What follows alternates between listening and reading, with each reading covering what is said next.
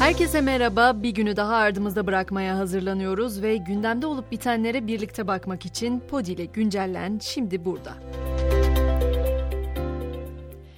Ciğerimizin yandığı, nefesimizin daraldığı, gözyaşlarımızın kanadığı zamanlardan geçiyoruz. İyi olamıyoruz biliyorum ama umuda tutunmak bu aralar tek çaremiz. Türkiye'yi sarsan depremlerin 8. gününde can kaybı 31.643'e yükseldi. Yaralı sayısının 80 bini aştığı bölgeden 158.165 afetzede tahliye edildi. 10 ili vuran iki büyük depremde 33.143 binada ağır hasar tespit edildi. Bu binaların acil yıkılması gerektiği belirtiliyor.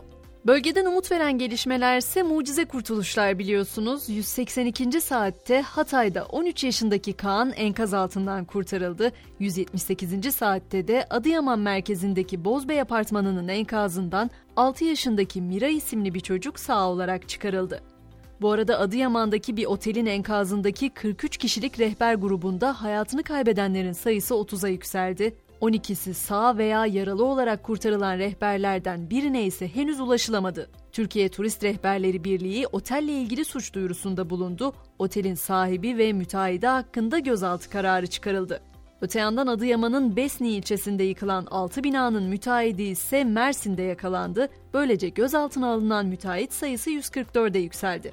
Kahramanmaraş'ı vuran deprem sadece şehir merkezlerinde değil, köylerde de büyük hasar bıraktı. Üstelik ulaşım zor olduğu için o noktalara yardım gitmesi de çok daha zor. Köydeki evlerin tamamı ya ağır hasarlı ya da yıkılmış durumda. Bölge halkının barınmadan tuvalete birçok ihtiyacı olduğunu tekrar hatırlatmakta fayda olduğunu düşünüyorum. Yardımlar demişken bu konuda Birleşmiş Milletler'den de destek var. Birleşmiş Milletler Mülteciler Yüksek Komiserliği Türkiye'ye 3000 çadır gönderdi. Azerbaycan'ın da Kahramanmaraş'ta kurduğu Sahra Hastanesi'nde hasta kabulüne başlandı.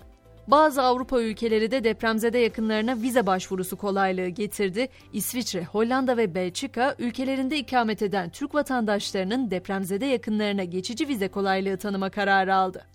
Tabii tüm Türkiye birlik olduk, olmamız da gereken bir zamandayız. Yardımseverler olarak ellerimizden geleni yapıyoruz ama suistimal edenlerin de cezasız kalmaması gönüllere su serpiyor bir anlamda. Mesela deprem bölgelerine yardım götürmeye çalışanlara fahiş fiyatla çorba satışı yaptığı iddia edilen işletmeye 1 milyon 860 bin lira idari para cezası kesildi.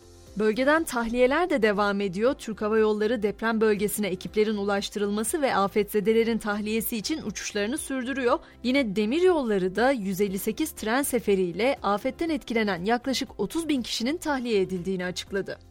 Tüm bu yaşananların ardından belki de akıllardaki en büyük soru bu deprem başka depremleri özellikle İstanbul depremini tetikleyecek mi?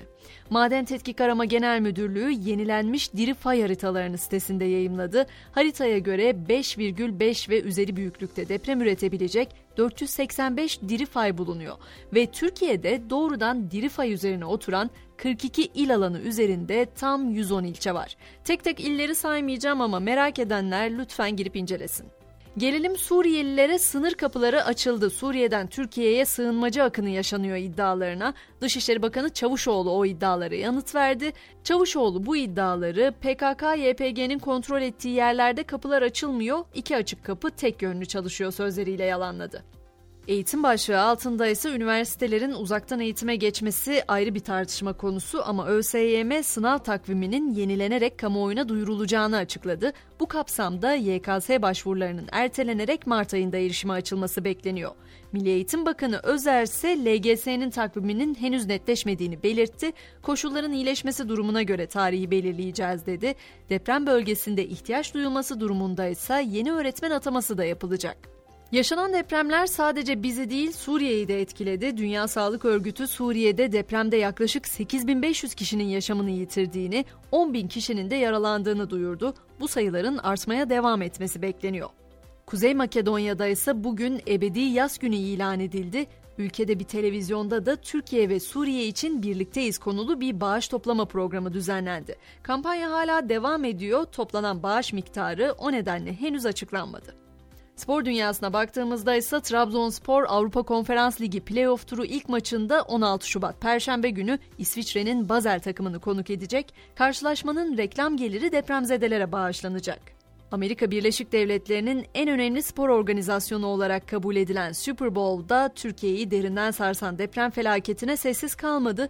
Deprem kurbanları Amerikan Futbol Ligi'nin şampiyonluk mücadelesinde de anıldı. Super Bowl organizasyonunda Kızılaç'ın bölgedeki yardım çalışmalarının bağışlarla desteklenmesi istendi.